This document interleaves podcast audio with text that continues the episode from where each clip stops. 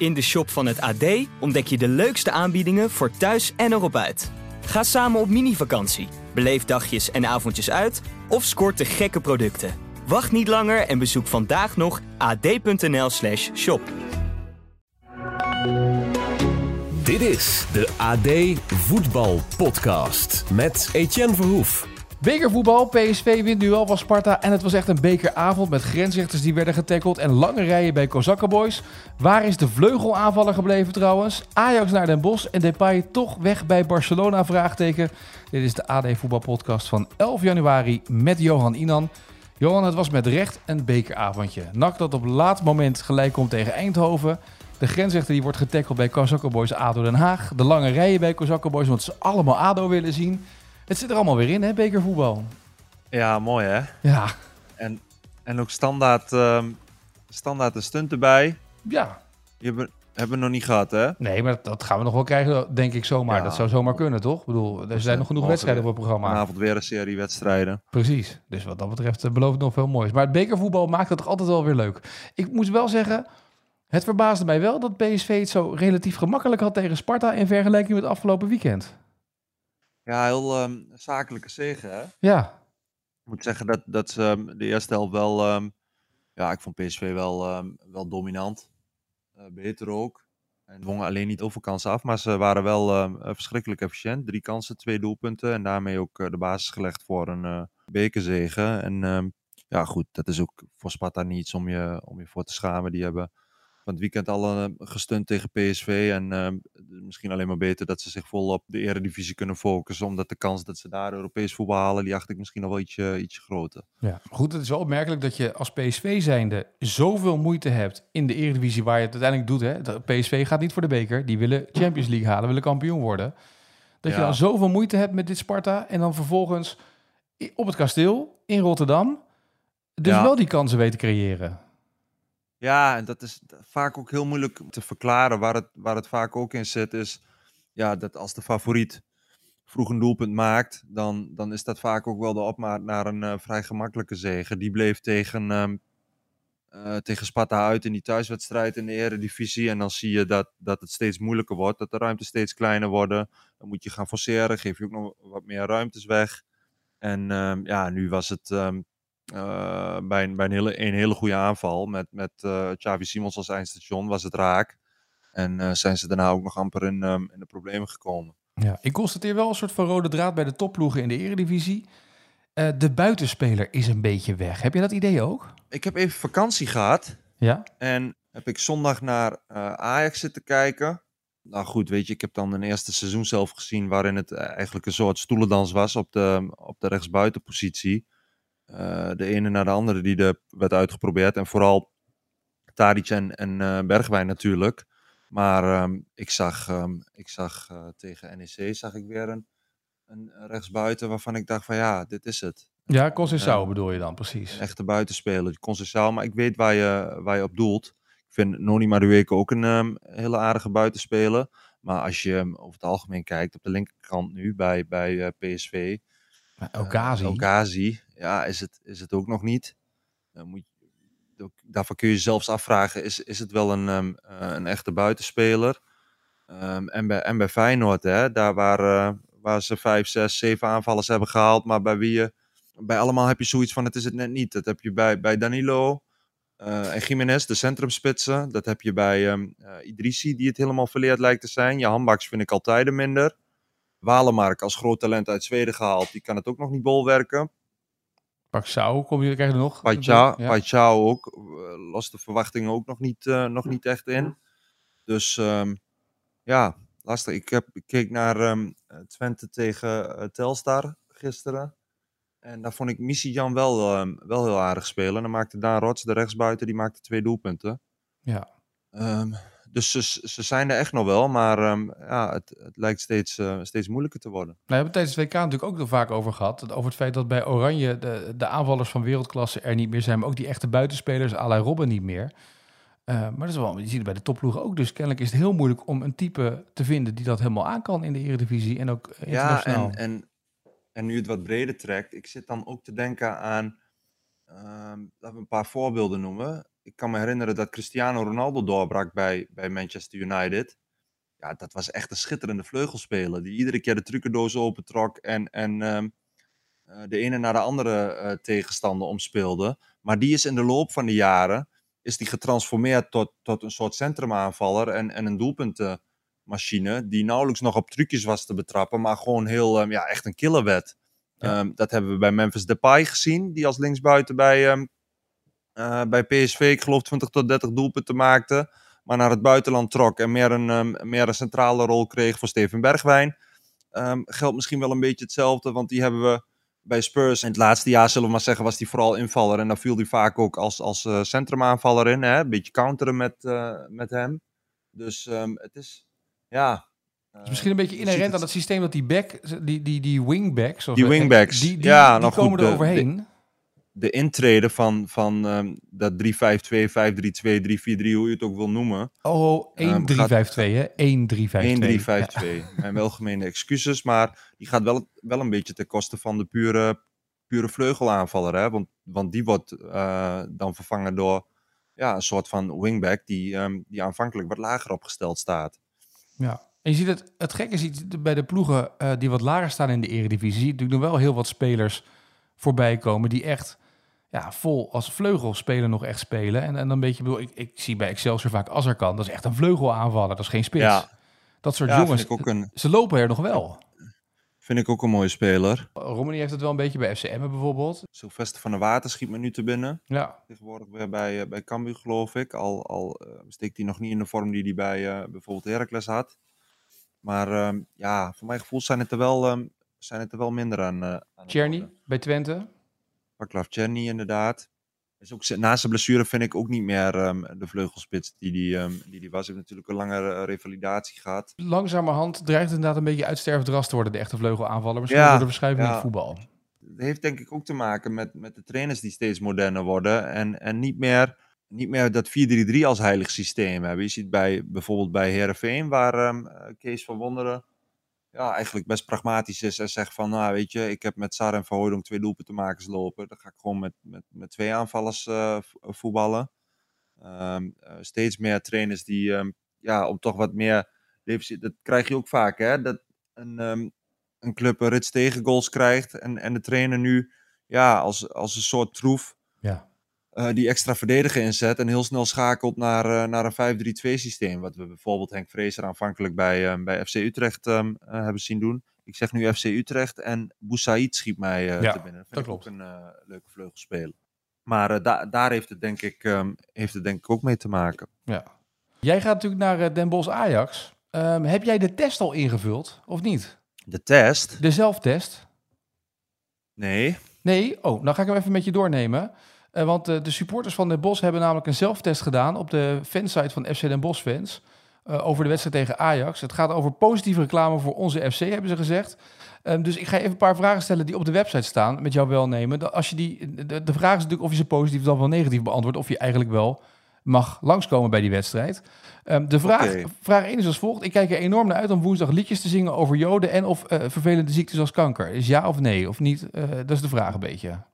Nee, heb ik weinig mee. Ik sluit niet uit dat als de wedstrijd daar aanleiding toe geeft dat ik die liedjes wel ga zingen.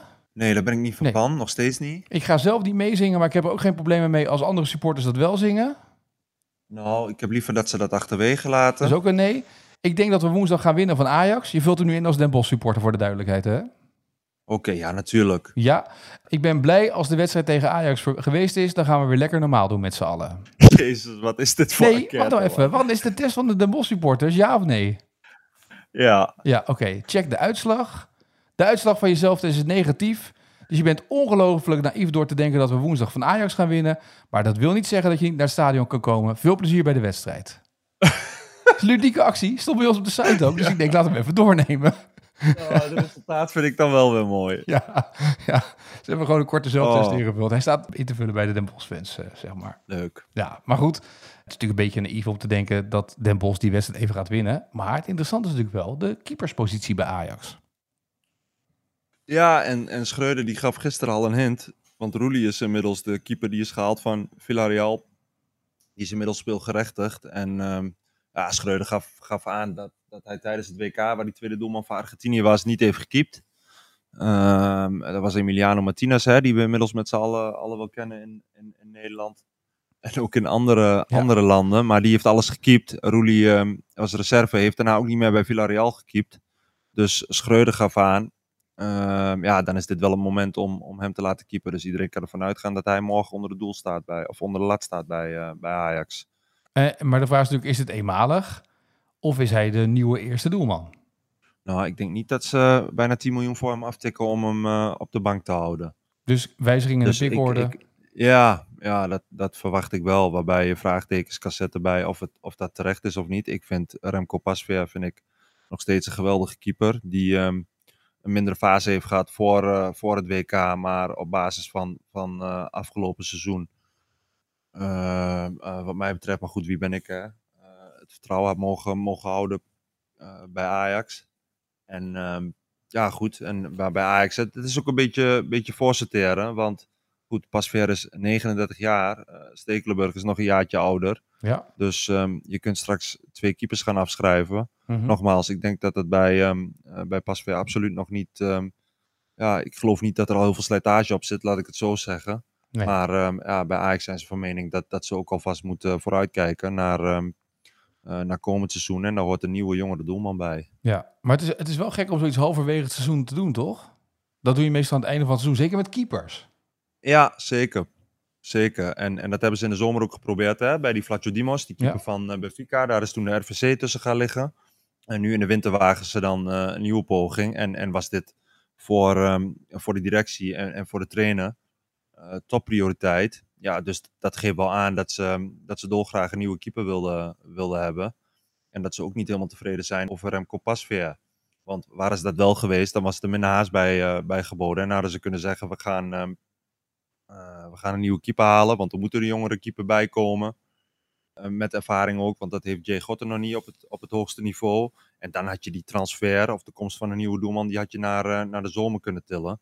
Wat volgens mij prima had gekund, maar zij, um, zij hebben een andere mening. En, en um, goed, we hebben Schreuder zondag gehoord, die had dit ook nog niet gecommuniceerd naar Pasveer toe. Dat vond ik ook best zoiets waarbij ik dacht van ja, als je als trainer uh, enige tact hebt, dan ga je toch met je eerste doelman om tafel. Die ja. overal ziet, leest en hoort dat er een nieuwe keeper komt. En ze gaan vragen wat, wat dan met hem de bedoeling is.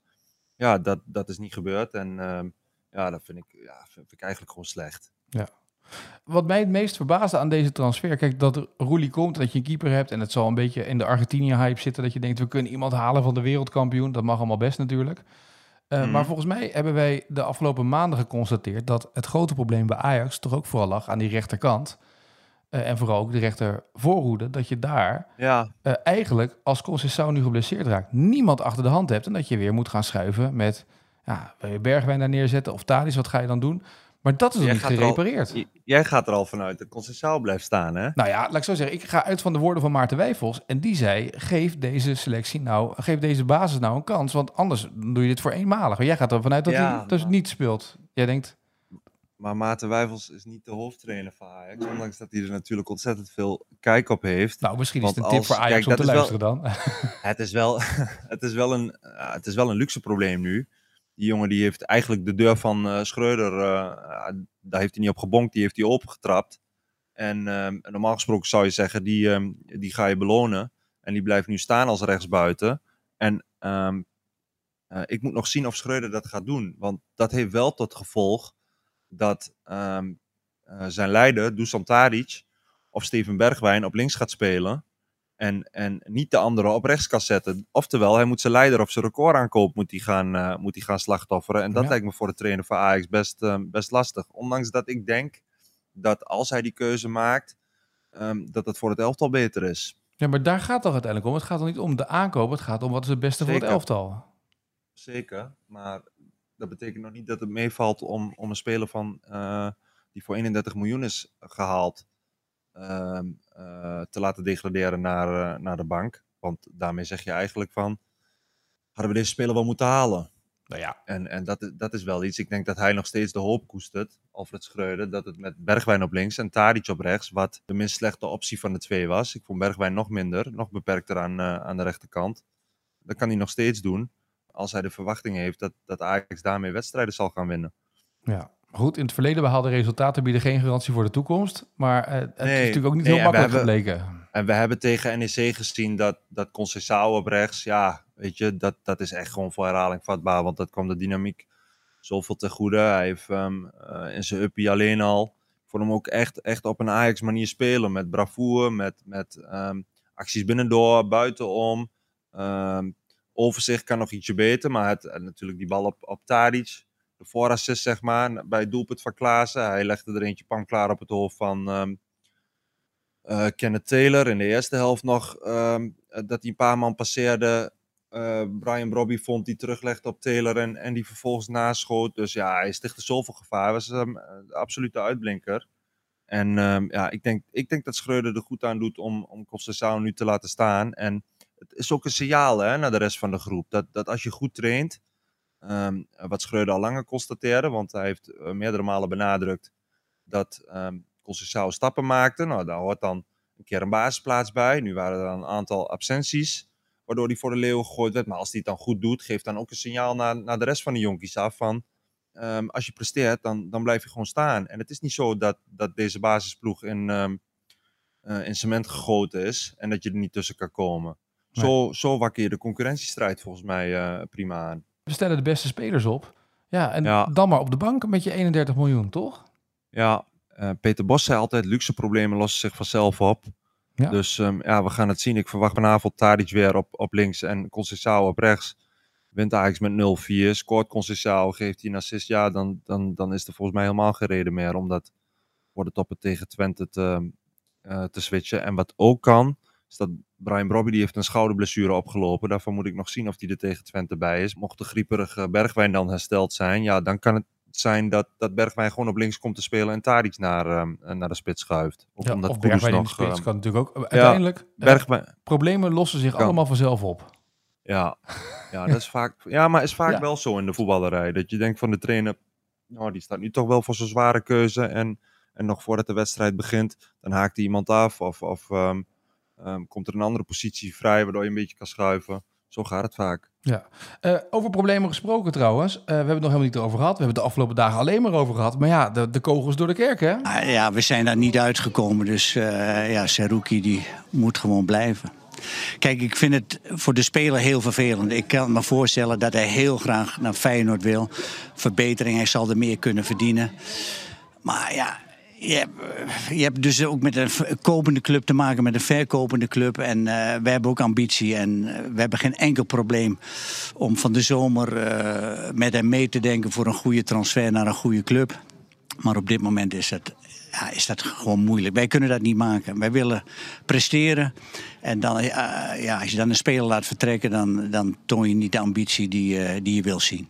Jan Streuer was dat, de, de technische man bij FC Twente. Eh, op de 10e januari. Ik zeg het er even bij, hè, want ik bedoel, niks is zo flexibel als de voetbalwereld. Zeker met nog drie weken te gaan. Nou, daarvoor zeg ik het ook even. Deze quote kunnen we nog een keer terughalen als het uiteindelijk toch nog doorgaat. Maar Nou, nu- jij, jij zegt het dit, jij, maar toen ik dit beluisterde, dacht ik wel...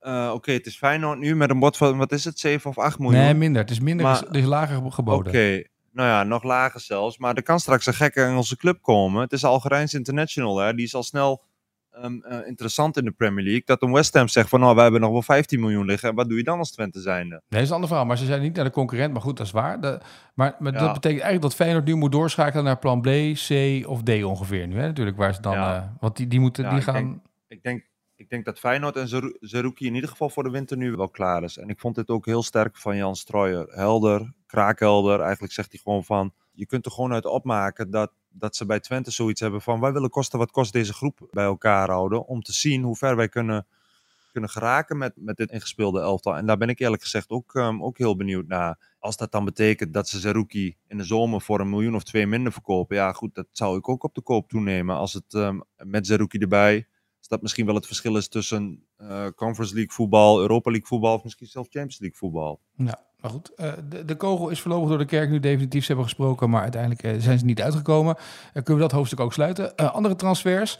Is iemand Marin naar Vitesse. Leuk dat hij weer terug is in Nederland. Ja, die kent Cocu Ja. natuurlijk heel goed. Hè. Die had nog een huis in Nederland, Ja. dus hij dacht, ik wil terug. Vind ik wel mooi. Ja, we verheugen ons nu al op eh, Liedjes, hè? ehm, ja, zijn liedjes en eh media optredens. Ja.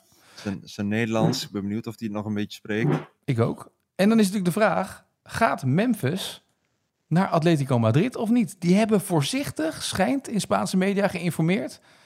Van als, nou, als wij nou een speler verkopen, hè, wordt hier en daar getrokken aan spelers van Atletico, is Memphis dan beschikbaar? Ja, zou kunnen natuurlijk, hè? Past wel bij het spel, denk ik, of niet? Is voor hem denk ik wel beter. Ja, hè? Als je nu, als je nu ook ziet, nou goed, Lewandowski was dan nu tegen Atletico geschorst, maar daar komt de Pai nog niet, ehm, eh, nog niet aan de bak. Ja, die aanvallers, daar zit Rafinha tussen, daar zit Dembele tussen, daar zit Ferran tussen, daar zit Ansu Fati tussen. Hij heeft er 5, 6 voor zich lopen, dat kan hij wel blijven.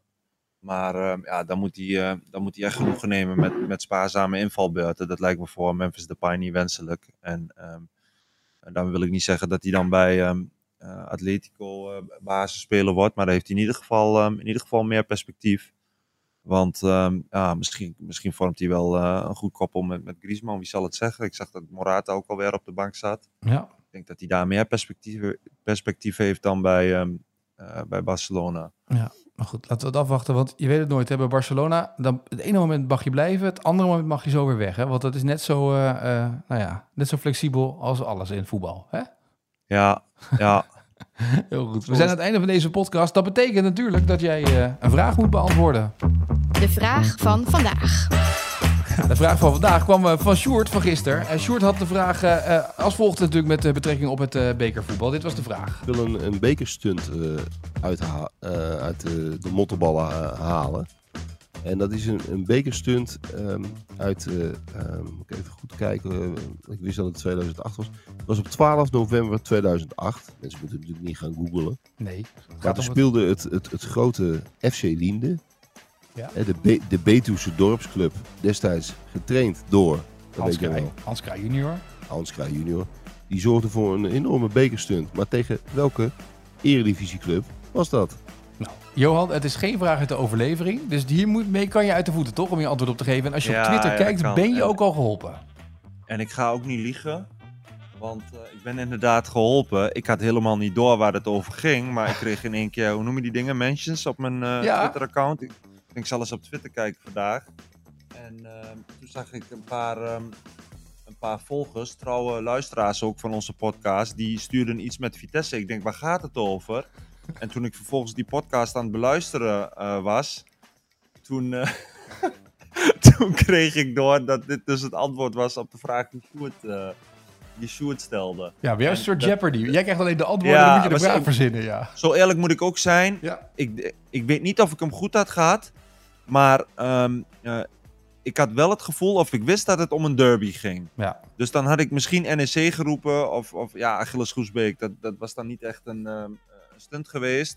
Maar dan was het de Graafschap, NEC of Vitesse geweest. Dus daar had ik 33% kans gehad. Dus aan de trouwe eh, luisteraars van onze podcast die, ehm, die mij een handje hebben geholpen. Die als een soort hulplijn hebben gefungeerd. Dankjewel. Jij mag de vraag voor Mikos nu erin gooien, voor morgen. En onze luisteraars kunnen Mikos dan weer een klein beetje helpen door het antwoord te geven op de vraag, hè? Ik blijf bij het bekertoernooi. Ja. Ik wil van Mikos graag weten wie de hoogst geclasseerde, nog actieve voetballer is op de all-time topscorerslijst van het bekertoernooi.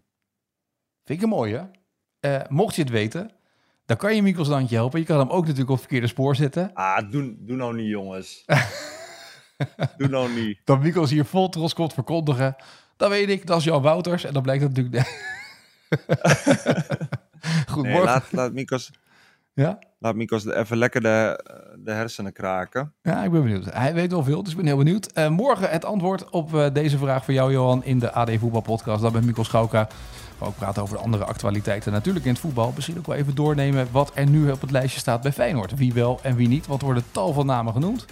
Eh, maar wie eh, moeten we nou serieus nemen als nieuwe optie voor Feyenoord en wie niet? Dat morgen in de AD Voetbal Podcast. Ik wens je een mooie dag en tot de volgende. Wel, volgende.